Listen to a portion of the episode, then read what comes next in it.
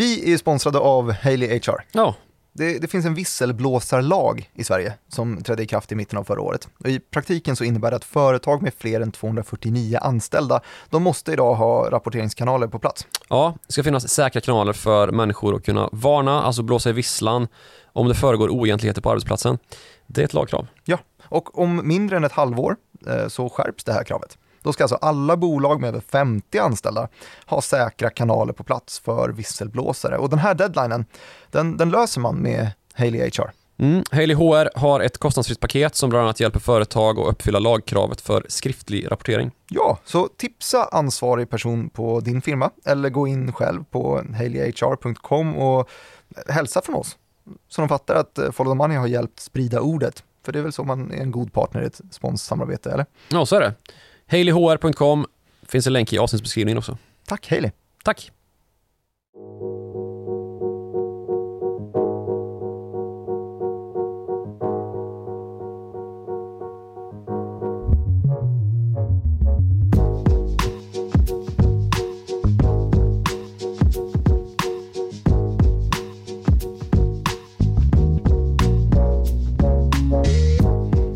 Techsektorn och den artificiella intelligensen har lagt krokben för en hel armé av olyckskråkor som utlovade kraftiga börsfall i spåren av pandemislut, inflationsuppgång och kraftiga räntestegringar som ju vanligtvis sänker investeraraptiten på teknikaktier.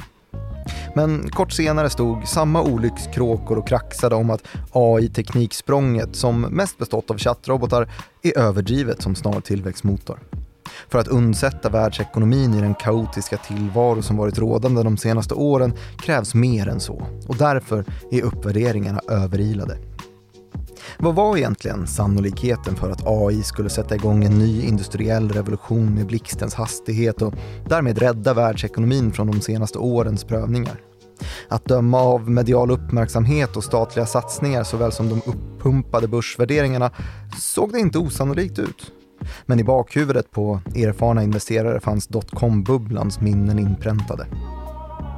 IT-uppvärderingarna i slutet på 1990-talet skedde precis som nu med en frustande hastighet och idén om att en ny verklighet var nära förestående för näringslivet. En industriell revolution som kom att kallas Industry 3.0. Men omvälvningen skedde också med stora offer i investerarled. Var den stundande omställningen till Industry 4.0 något annat som kunde ske utan hype och bubbelbristning? Det här är Follow the Money, en podcast om makt, storfinans och börsen av och med Nyhetsbyrån Direkts utrikeschef Joakim Rönning och IGs marknadsanalytiker Martin Nilsson. Hur, hur är läget med dig? Jo, det är bara bra. Skönt. skönt Party like it's 19 1999. 19 1999. Ja, Ja. fick du till. det var väl en bra inledning. Ja. Ja. Ja. Vad gjorde du 1999? Var du, festade du mycket 1999? ja, du gjorde det definitivt. Ja. ja. Du också? Ja. Skådeskolans uh, matsal var det mycket party då, när jag gick i sexan. Häftigt. Var det disco på fredagar ibland? Jag var, jag var sju. Mm. Mm. Jag Också disco. gå- Det var på disco? Ja. Det var sån här uh, Äldre syskon pyjamasdisco. Jag tänker mig. Ja, så var det nog faktiskt. Ja. Ungefär samtidigt som du var på pyjamasparty så handlades en massa aktier upp i den sektor som vi också nu handlar upp en massa aktier i. Ja. Då hette de typ IBM, Just det. Finns fortfarande. ja, Microsoft finns fortfarande. Finns också fortfarande. Och det roliga svenska bolag också som handlades upp. Framfab tänker du på. Ja, det är typ det man tänker på. Finns inte fortfarande. Nej, sen ska vi prata mer om ett bolag som heter Boo.com Mm. mm. Som ju, ja, blir lite punkten för det hela. Mm. Det som kommer att få det hela att brista.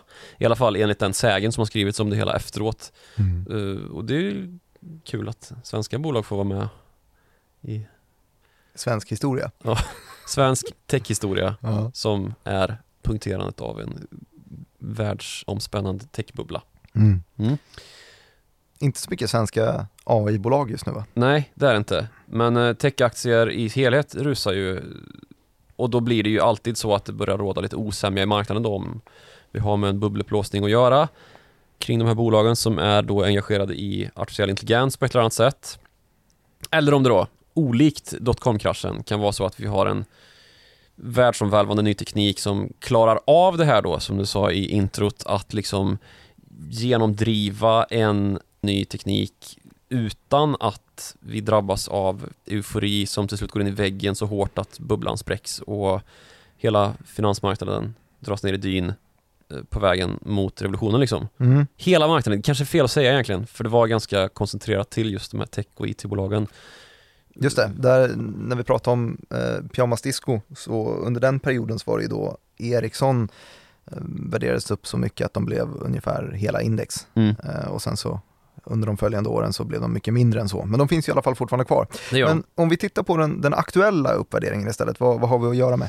Storleksmässigt menar du? Ja.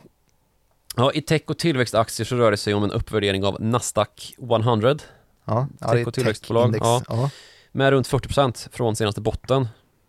i höstas här. Ja, precis, hösten 2022. Samtidigt så är breda index då, uh, S&P 500, nu pratar vi alltså amerikanska börser då, för den som är oinsatt. Mm. Där är vi uppe med drygt 20% sen senaste botten, så ungefär hälften så mycket som tech-index då. Mm. Och i år, om vi ska titta på 2023, så är S&P 500 upp med 15% och Nasdaq med drygt 30%. Mm, och det har liksom blivit något att, att påminna om lite grann. Att, att värderingarna är höga igen. Ja, Det är de ju. exakt. För, för folk där ute, tycker jag i alla fall, har lite motsatt uppfattning. Det finns en air av att det går dåligt på börsen.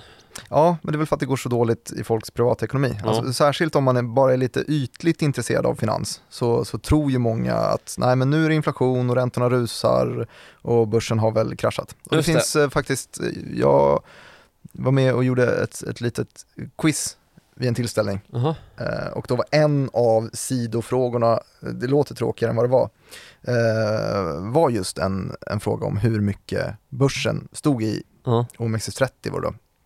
Och då hade man eh, ett kryss 2 alternativ och så skulle man bara klicka i. Och vid det här tillfället så var OMXS30 då upp, eh, om det var 12% förra året. Mm. Och det var ju inte ett enda lag som tog det. Nej. Alla trodde att ditt det, det är väl negativt. Och, nej, men jag var ju då Aha, det var programledare. quiz, quizmaster. Ja, exakt. Okej. Vad var det här för jävla sammanhang egentligen? Svensexa. Sitter och drar finansquiz på svensexa. Ja, ja, ja. Kul kille. Ja, ja. Men på ett sätt så är det ju fortfarande sant eh, att det gått rätt dåligt för börsen då. Kanske för de här snubbarna som du var på svensexa med. Mm. För om de är i vår ålder så kan jag tänka mig att de kanske investerar en del i den delen av marknaden som rönte mest uppmärksamhet under pandemin. När det var väldigt många som blev väldigt aktieintresserade på väldigt kort tid. Du tror att de ägde, äger GameStop fortfarande? Nej men de är i den åldersklassen och uh, ju. Och det var ju de som drogs in i den hypen allra mest. Ja. De här är ju förståndiga. Ja, okej.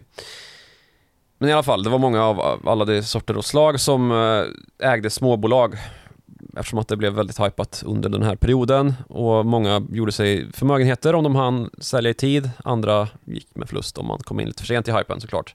Men i den breda marknaden då, om vi bara ska begränsa oss till att prata om stora och etablerade techbolag så är det alltså tvärtom. Och mycket av den här sentida uppvärderingen hänvisas ju till artificiell intelligens. Först hade vi genombrottet för OpenAI, eh, Mm. ChatGPT och sen hade vi andra bolag som tog upp kampen med det här Microsoft-stöttade bolagets chattrobot som plötsligt ansågs kunna nå helt fantastiska människolika resultat i utförandet av en, en hel del uppgifter. Ja. Och, Google, Amazon och kinesiska Baidu de, till exempel. Ja, Amazon de, de uppfinner ju ingen egen liksom, chattrobot så utan de, de är ju mer inriktade på att de ska skapa molntjänster som ska kunna kabla ut alla de här eh, för användning då. Alla letar efter den här spaden i guldruschen. Ja, exakt. Men sen kanske den viktigaste händelsen för själva uppvärderingen av den här sektorn, den var ju på just hackor och spadar nivå ju. Då pratar Kul! vi Ja. Nvidia Ja. som tillverkar AI-chip som gav en helt halsbrytande prognos för framtida försäljning i sin delårsrapportredogörelse här nyligen, Mm. i maj var det väl? Japp.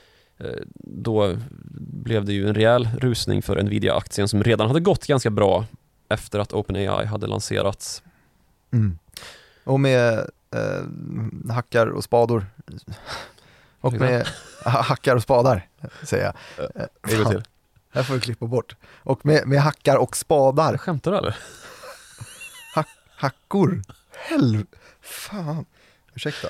Och med hackor och spadar heter det. Ja, Eh, så hänvisar du då till liknelsen om, om de här som tjänade bäst på, på guldruschen då i, i USA. just det. När man ville ha, sälja verktyget snarare än vara den som utför arbetet och gräva ett hål i marken. Just det. Försöka hitta själva guldet. Det var ju många som drog västerut från eh, både Europa och från östra USA och skulle eh, till guldets land ju. Precis som Peter Jöback. Alltså, Ja, utvandrarna. ja. Ja. Eller invandrarna är det ju kanske fråga om då. Just det. Ja, eh, lycksöker. Eh, Men sen utöver AI då så finns det såklart andra variabler också som Mm. ligger bakom den här uppvärderingen i technära index. Och den mest uppenbara är ju då att det såtts tvivel om Federal Reserve Mhm. deras räntehöjningskampanj. Om den kommer att ske som utlovat. För det finns ju prognoser som lämnas då av centralbanken om hur framtida räntehöjningar kommer se ut. Mm. Och vid det senaste räntebeskedet nu i juni här så signalerades det om två till räntehöjningar under 2023 trots att man nu då pausade senaste gången och inte gjorde någon varken höjning eller sänkning. Mm. Konstigt kanske, men, men hänvisar egentligen bara till att det har gått så snabbt. Ja. Eh, kollar man lite på hur styrräntan har utvecklats och så drar man tillbaka den linjen över de senaste 25 åren så ser man att det är en brant uppförsbacke Mm. precis just nu. 525 punkter på, vad blir det, Ja, ett och ett halvt 15 år? månader, ja. något sånt. Eh, Så att man vill bara pausa lite nu och se hur snabbt ekonomin rullar där i bakgrunden. Ja, men samtidigt så är man ju tydliga med att inflationen är fortsatt obekväm liksom Mm. då. Så att eh, nya höjningar kommer alltså och det borde ju inte vara bra för börsen. Ja. Men vad hände? Ja, det som hände var väl att börsen stärktes Ja. och, och särskilt inom de här riskfyllda kategorierna som just tech och tillväxt och korträntan sjönk. Precis, det är det rakt motsatta mot det intuitiva svaret på vad som ska hända när räntan höjs eller när räntan ska höjas. Och det betyder att marknaden just nu absolut inte litar på Federal Reserve. Nej, man eh, tror att de inte alls kommer höja så mycket. Nej, marknaden skrattar ju snarare ut Fed just nu då när eh, de säger att de ska fortsätta höja och investerarnas svar blir då inte fan kommer ni att höja mer, det tror vi inte på. Eh, Ska vi kort beskriva varför techaktier stiger när räntan går ner och vice versa? Mm, kan vi göra. Så att alla är med på det.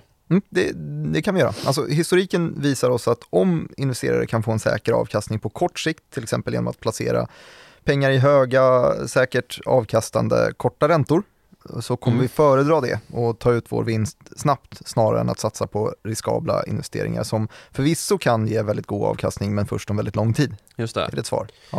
Eh, det är ett bra svar. Men om vi drar det till AI nu då och, Mm. och kanske jämför den här utvecklingen med dotcom-bubblan så var ju du inne på bo.com Mm. som blev lite av ett elddop där barnet brann upp. Kan man säga det? Ja. Eller är det en vulgär beskrivning? Ja, det är en väldigt vulgär beskrivning men eh, den funkar väl. Ja. Jo, Bordet.com då, det var en tidig eh, svensk Amazon kan man säga. Ja. Ja, grundat i Sverige av svenskar. Åkte över till eh, New York, fick jättestort riskkapitalstöd och eh, brände pengarna på konstiga satsningar inom då att man skulle kunna sälja kläder i cyberrymden. Det blev den punkterade faktorn ungefär när man kom fram till att alla de här digitala provhyttslösningarna som Bordet.com skulle erbjuda, där man skulle kunna göra en liten avatar av sig själv med sina kroppsmått och prova kläder. tidig AR eller VR eller Ja, något. kan man säga. Det funkade ju inte. Det fanns inte tillräckligt mycket bandbredd ute i stugorna. Så det kanske är dags att gräva upp de gamla bo.com-planerna nu då Ja men istället. typ, det är väl Nu finns det bandbredd. som Amazon har gjort, minus de digitala provhytterna. Som, Mm. Vad är det för skit? Det är en konstig idé. Det håller ju eh, Mark Zuckerberg på med. Ja, och det går bra för honom. Ja. Ja, så blev det för dotcom-kraschen i alla fall. Eh, Och det kan ju mycket väl tänkas då att det kommer en, ett liknande elddop för AI när barnet brinner upp. Du menar att det kanske inte går att applicera den här tekniken som man kan förstå skulle kunna ge produktivitet till världen men världen är precis. inte riktigt redo för den. Det kanske visar sig att chattroboten är eh, i någon form en digital provhytt Ja. eh, hos Bo.com. Eller ja, jämförelsen är ju där ganska vettig ändå tycker jag. Mm. Alltså kommer AI generera någon hållbar, liksom, lönsam förbättring för näringslivet på lång sikt? Alltså det tror jag man kan säkert säga att det kommer det. Det gjorde ju Bo.com bara för tidigt liksom. Mm. Amazon blev ju sen världens största bolag ett tag. Och de hade inte så mycket andra idéer än vad Bol.com hade, bara i större skala och det var mer välutvecklat och moget och det fanns liksom en marknad som var redo för det, en teknisk applicerbarhet som gick att nå kunderna med. Mm. Det fanns det ju inte 10 år tidigare liksom, eller 20 år tidigare. Och det går väl att i någon grad vara säker på att AI kommer ha avkastande förmågor i en längre framtid, men det är inte lika säkert att det kommer ske på kort sikt då. Att den här avkastningen kommer genereras och att värderingarna därmed, alltså börsvärderingarna är just nu rimliga då. Det är lite att man går händelserna i förväg med Ja, börsvärderingarna. precis. Och det är ju så det funkar, man är framåtblickande när man investerar på börsen. Men om marknaden börjar tvivla att på kort sikt finns det ju ingenting här, då är det ju enorm fallhöjd också då. Och det är ju där vi får såna här hype-bubblor liksom. Mm. Men sen tycker jag att det finns mer att säga om det här räntekomplexet. Nu hastade vi lite snabbt förbi det tycker jag. Eh, Jag skulle gärna vilja framhäva att folk gör det ganska lätt för sig i att bara prata om den amerikanska styrränteuppgången och nu pratar vi om amerikansk börs då som sagt. Att man inte problematiserar vidare liksom. Och kanske lite varning för att det blir nördigt nu. Men eh, Nej. varför pratas det så lite om realräntan?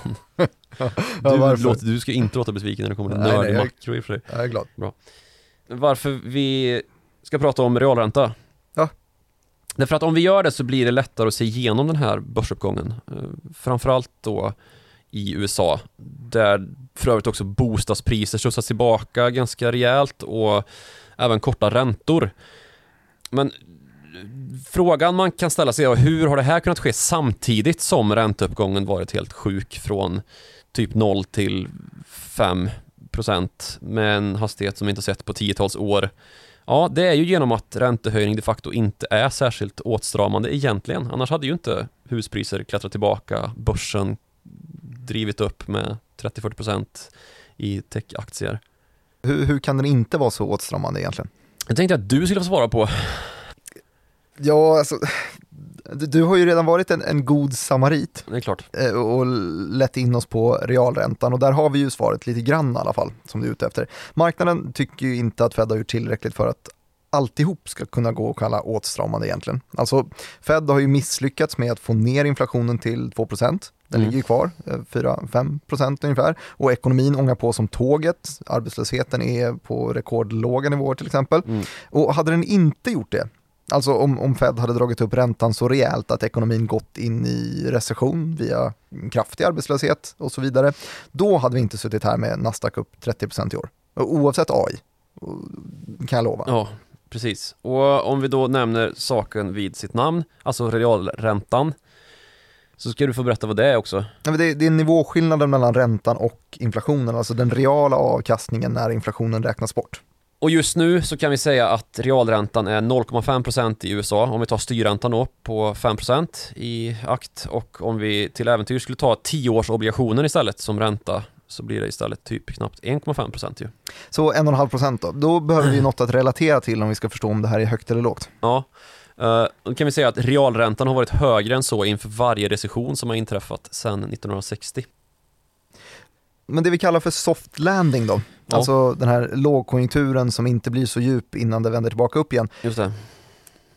En förklaringsmodell för, för vår nutid kan ju vara i så fall att börsuppgången beror på en övertygelse om att inflationen har med pandemins prisstörningar att göra, alltså att investerare ser framför sig att inflationen kommer sjunka och ekonomin samtidigt kommer sakta ner av de räntehöjningarna som gjorts. Jo men eller hur. Och dessutom då som vi har pratat om tidigare i den här podden att banker eh, i USA är vi kvar mer eller mindre tvingas strama åt utlåningen när inlåning flyr till penningmarknadsfonder och investerare tappar förtroendet liksom.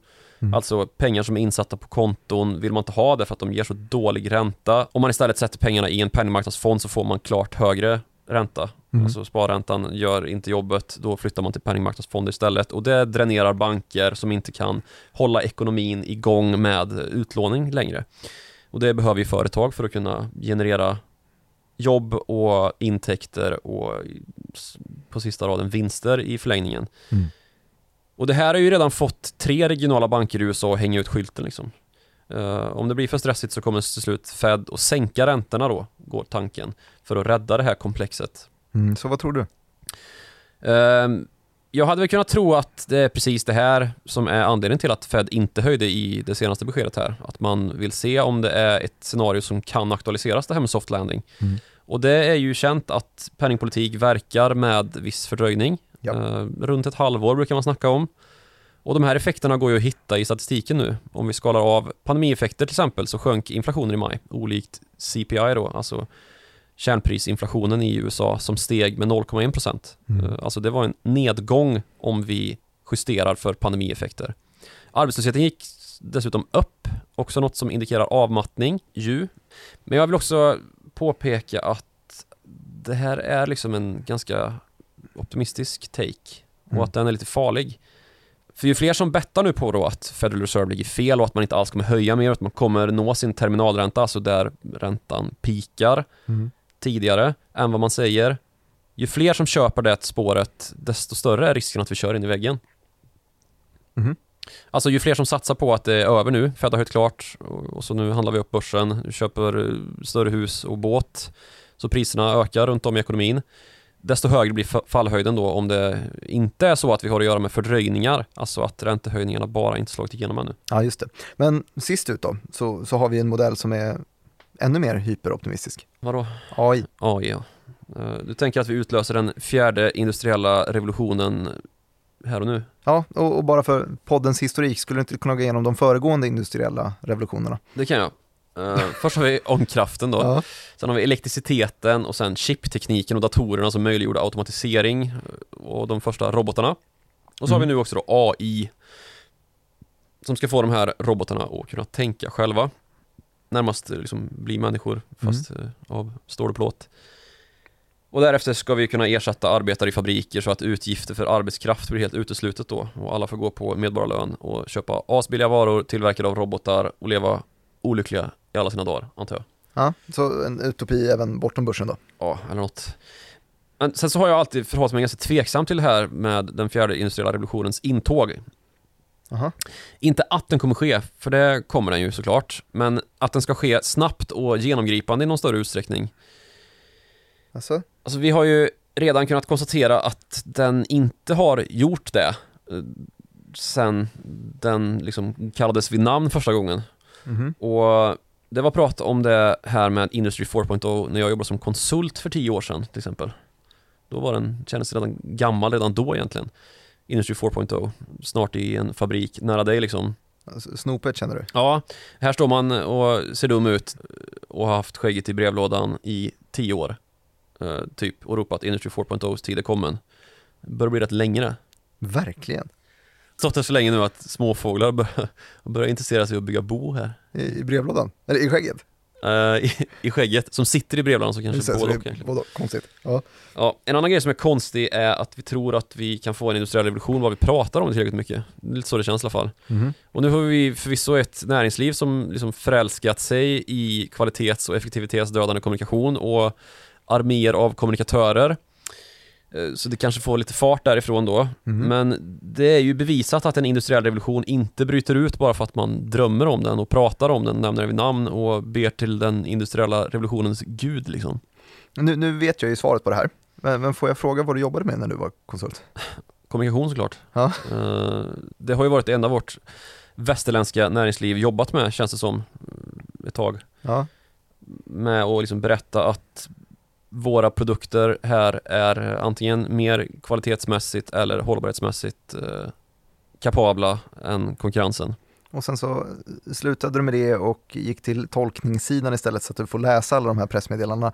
Varför, varför slutade du? Ja men för att min själ var på väg att förlisa i den stora kommunikationsvärldens hav av eh, korvvändor och avstämningar om saker som för mig föreföll vara rätt oväsentliga men som landade i de här tidsödande nonsensdiskussionerna som jag tror att en och annan lyssnare också kan eh, identifiera sig med om man Mhm. tittar i sin mailkorg på jobbet.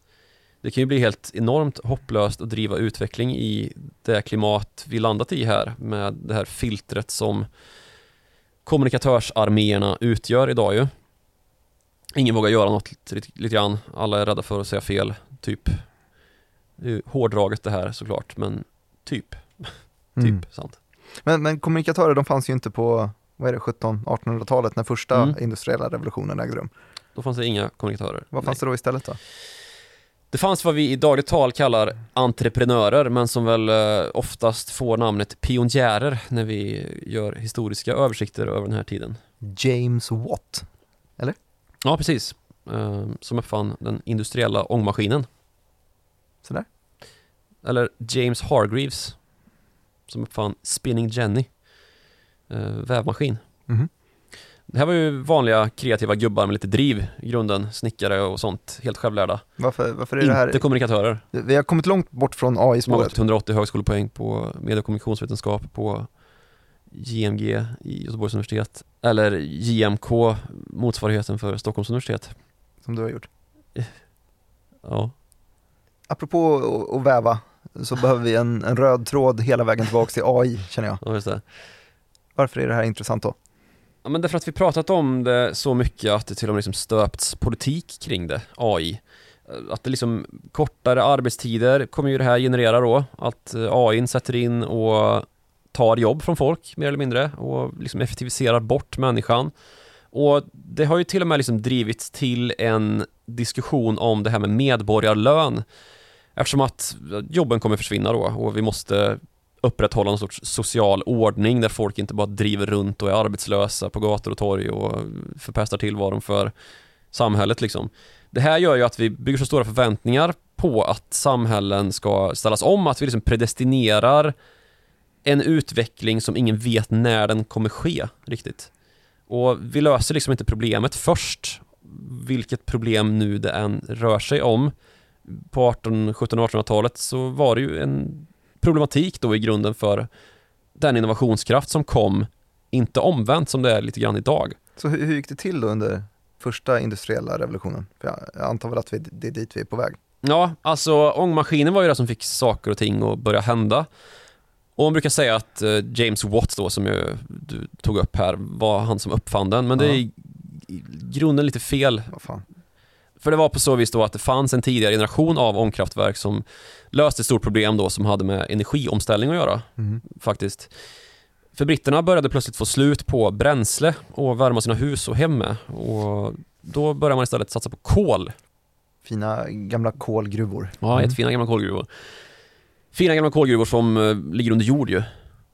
Mm. Och vad händer med grejer som ligger under jord när det regnar? Vilket det gör ibland i Storbritannien. Och, om inte att de vattenfylls. Så vad tror du de första ångmaskinerna användes till? Med det? i Tömma faktabasen? översvämmade kolgruvor på vatten. Ja, precis.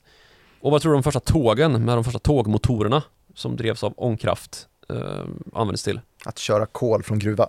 Exakt. Så det uppfinnarna gjorde på den tiden var liksom att ta ett problem som hade med miljö och resursbrist att göra. Alltså bristen på trä att elda med var problemet då.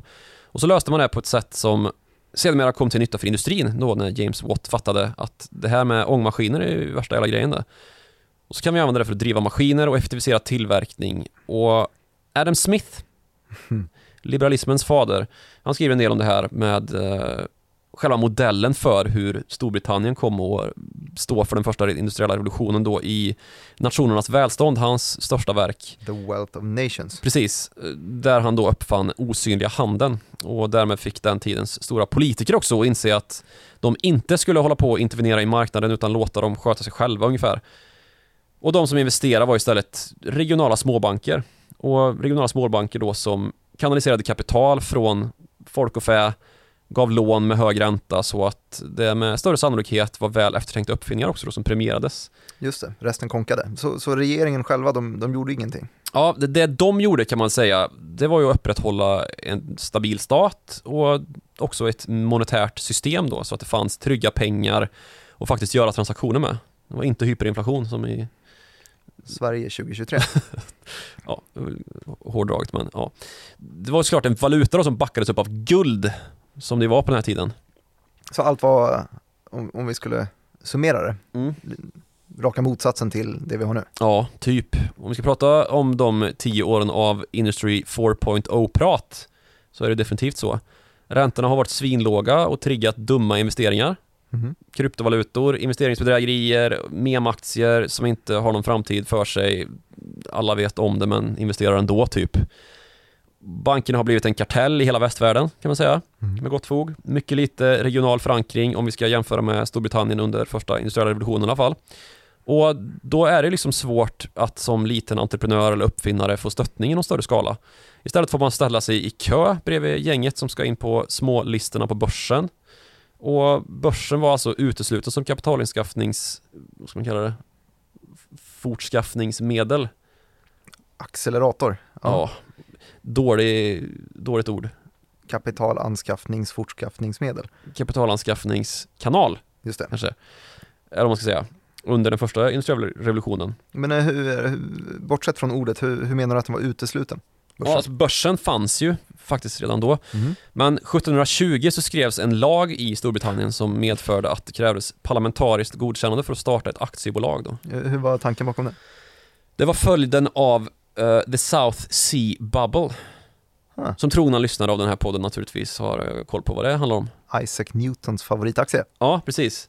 Och det är nog mest känt för att det var Isaac Newtons favorit och sedermera hataktie. Mm. Eh, för han gjorde ju bort sig big time där och först gjorde han sig rik där, Mhm. sen sålde han på en god nivå, såg han alla polare hoppa in, bli ännu rikare för det exploderade ju den här South Sea Company-bubblan. Mhm. Så då hoppade han in igen på toppen och FOMO. blev en sån, ja, FOMO, och så blev han en sån tokförlorare och sålde på liksom, konkursens rand. Brände förmögenheten. Men South Sea Company då, det var ett bolag som tog in kapital i avsikt att med statligt utfärdad monopolrätt handla med Sydamerika. Mm. Slavhandlar då var det ju fråga om på den tiden. Mhm. Men det skulle då visa sig vara en jävla dum grej på fler sätt än att man sålde människor som boskap eftersom att Spanien på den här tiden hade erövrat hela Sydamerika och Storbritannien låg i krig med Spanien. Som bekant. Mhm.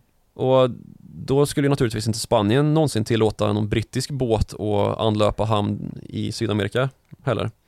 Men eh, självgoda britter, det har vi ju haft gott om genom, genom historien. Mm. Stöter på dem på Ibiza, gör man. Ja. Ständigt. Det är ju rave-britter det. Ja, just Också eh, självgoda. Ja, men eh, de hade ju på den här tiden inga problem att pumpa bubblan så stor att tusentals blev lottlösa när det brast och investerarna fick se sanningen i vitögat. Du, jag har inte hört riktigt den här historien, så, men då förbjöds alltså aktiebolag? Ja, det fick så pass stora konsekvenser för eh, brittiskt finanssystem då att regeringen bestämde att det här får fan aldrig hända igen.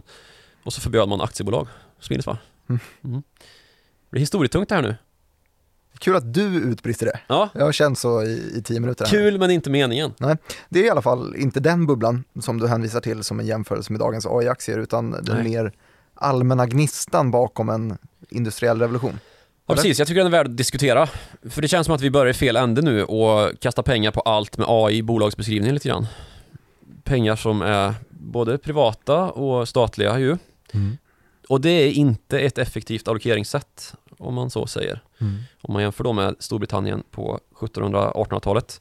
För det är ju inte eftertänkt det här. Vi har ingen aning om det löser problem lika effektivt som värderingen borgar för. Och det är så här vi blåser upp bubblor. Alltså, vi har liksom ingen konfidens i vad som är liksom en högre rättfärdigad värdering. Men jag vill nog framhäva att det hade man på 1700-talet i Storbritannien när man såg att den här ångmaskinen, fan vilken grej det är alltså. Den kommer utföra fysiska jobb i verkligheten långt snabbare än vad mankraft klarar av här och nu liksom. Mm. Och nu börjar vi förvisso närma oss ett läge där ChatGPT gör fantastiska grejer. Alltså en chattrobot som kan koda och förbättra mjukvaror. Men det är ju liksom inte på långt när inne i maskinerna och ersätter människor på samma sätt som en ångmaskin gjorde när det begav sig. Den upplevelsen låter lite grann få vänta på sig och det är där risken ligger just nu då att det fortsätter vara en besvikelse ett tag till utom i vissa välvalda exempel då, för det finns ju naturligtvis sådana också med ChatGPT och de kommer ju förmodligen växa i snabbare takt då när ChatGPT släpper nya versioner och folk lär sig att använda chattroboten också naturligtvis. Men det är inte en direkt så omvälvande faktor som det var för en nydanad industriekonomi på 1700-1800-talet på kort sikt. Så, så det är ingen bra idé att ställa om ekonomin och återvända till 1700-1800-talet? Nej, jag vill, jag vill gärna ha med den slamkryparen att uh, jag vill inte liksom påskina att jag tycker det är helt överförbart det här liksom jämförelsen med Industry 1.0 eller över, övergången det hette mellan bara Industry. Ja, Industry 0.0 och Industry 1.0 när man gick från liksom hantverk, mankraft, eh, häst och primitiv vattenkraft för att driva liksom smedjor och sånt till mer industriellt slag då med hjälp av ångmaskinen till dagens förutsättningar då, där vi ska gå från Industry 3.0 till Industry 4.0. Mm. Att vi bara ska vända systemet upp och ner nu för att eh, liksom Adam Smiths 1700-1800-tals finansiella system var ett supersystem för uppfinnarekonomi. Det är inte det jag menar, liksom, inte en galen människa, men uh, det här är sånt som jag går runt och tänker på ibland. Vadå för någonting? Vad, vad går du runt och, och fnular på? Att den fjärde industriella revolutionen liksom basunerats ut med en megafon stor som månen i tio år nu uh och liksom fått hela samhället att tro på att en viss rörelse är mycket nära förestående mm.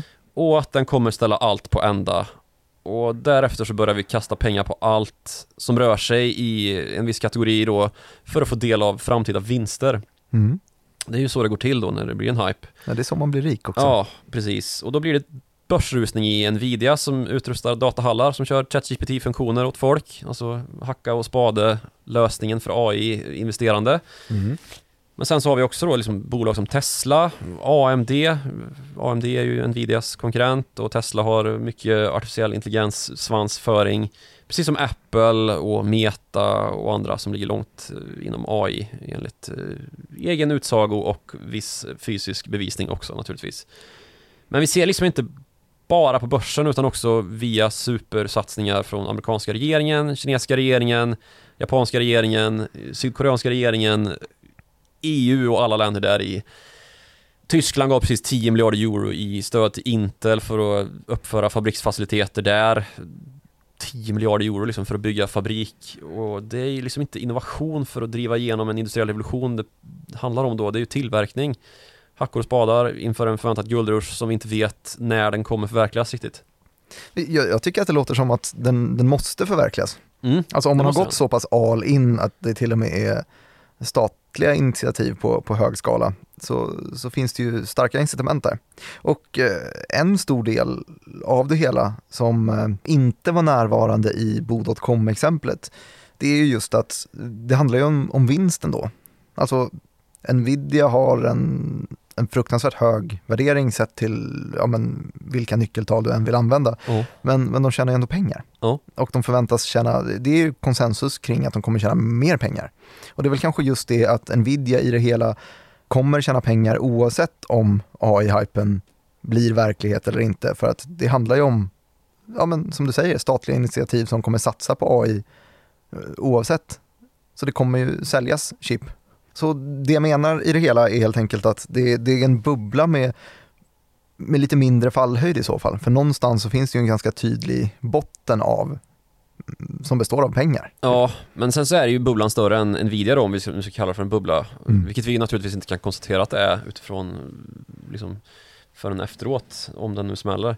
Så finns det ju flera andra delar av den här bubblan som inte tjänar pengar. Och då är ju risken att inte bara Nvidias vinst köps för en alldeles för dyr penning, alltså deras framtida vinster köps i en för dyr penning, alltså de har en för hög börskurs, utan också att alla andra satsningar då som nu görs och bland annat finansieras av regeringar runt om i världen inte kommer skapa produkter som genererar välfärdsökningar där ute. Just det, det måste mynna ut i produktivitet för Precis. att vi ska få en nettopositiv BNP-utveckling för världen. Ja. Du?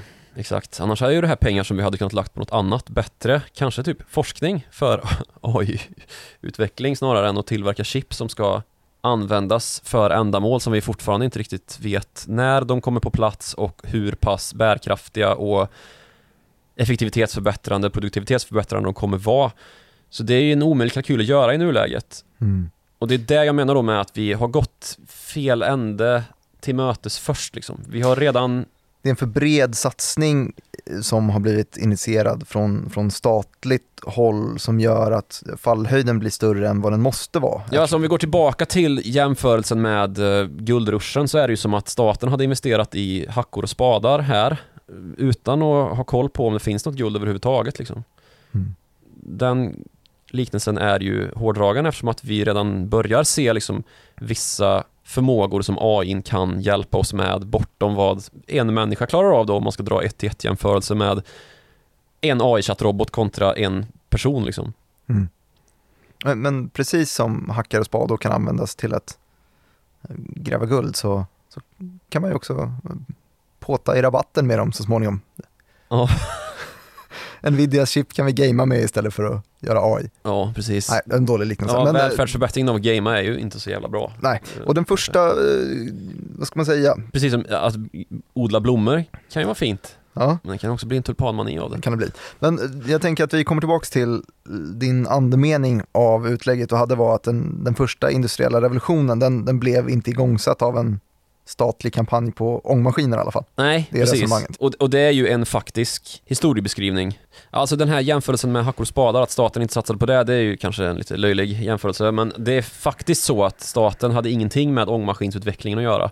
Däremot så hade man väldigt mycket att göra med utvecklingen av ja, järnväg till exempel, som ju blev väldigt bärkraftig då när det liksom kom tåg som man kunde driva med ångmaskiner och modernisera något alldeles liksom.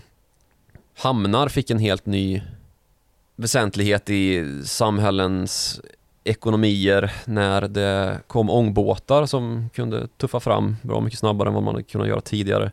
Mm. Alltså det är den typen av infrastrukturell upprustning som ju naturligtvis behövs och sen kan man ju kanske kalla då fabriker för infrastrukturell upprustning även om det rör sig om bolag som ju bygger de här fabrikerna med statligt stöd men skillnaden är att innovationen kom först liksom, när det gällde ångmaskin.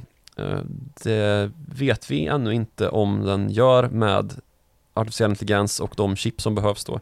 Eftersom att satsningarna är så halsbrytande redan innan vi har sett en faktisk effektivisering ute på företagen, alltså att vi har fått kraftiga effektivitets och produktivitetsförbättringar av artificiell intelligens och faktiskt vet vilken typ av förbättring det här har burit med sig och vad vi ska satsa på då rent infrastrukturellt. Mm. Där är vi ju inte än. Så helt enkelt, man kastar pengar på ett problem i fel ände. Alltså man tar för givet att det kommer bli på ett visst sätt och det vet vi inte än. Det är alltså inte en uh, osynlig hand som verkar här skulle man kunna hävda. Det är väldigt stor statlig inblandning och uh, inte bara marknader som opererar. Det hade Adam Smith inte gillat om han hade varit uh, i livet och skrivit böcker om denna tid vi lever i. Nej, det här är mer John Maynard Keynes istället om vi ska namedroppa inflytelserika ekonomer. Det gillar ju du. Ja. Vill ni själva namedroppa inflytelserika ekonomer eller personer i största allmänhet så kan man göra det till followthemoney.direkt.se som är vår mailadress. Man kan också följa oss på Twitter. Eh, du heter snabel Joakim Rönning och jag heter mm. snabel Martin Nilsson IG. Vi har en eh, podd ju som ska göras även live nu Just har ni det. lyssnat o-live, men man kan se oss på scen på Skalateatern den 20 september. Och då kan man gå in på uh, Skalateaterns hemsida, det är bara att googla fram eller så slänger vi in det som en, en länk i klippbeskrivningen också. Kan vi göra. Uh, och där kan man köpa biljetter till oss. Uh, passa på att gör det. De, det är flera som har köpt redan. Går väl som smör i solsken tänker jag. Ja, det gör de väl. Tack så mycket för att ni har lyssnat på oss den här veckan och vi är väl tillbaka snart igen.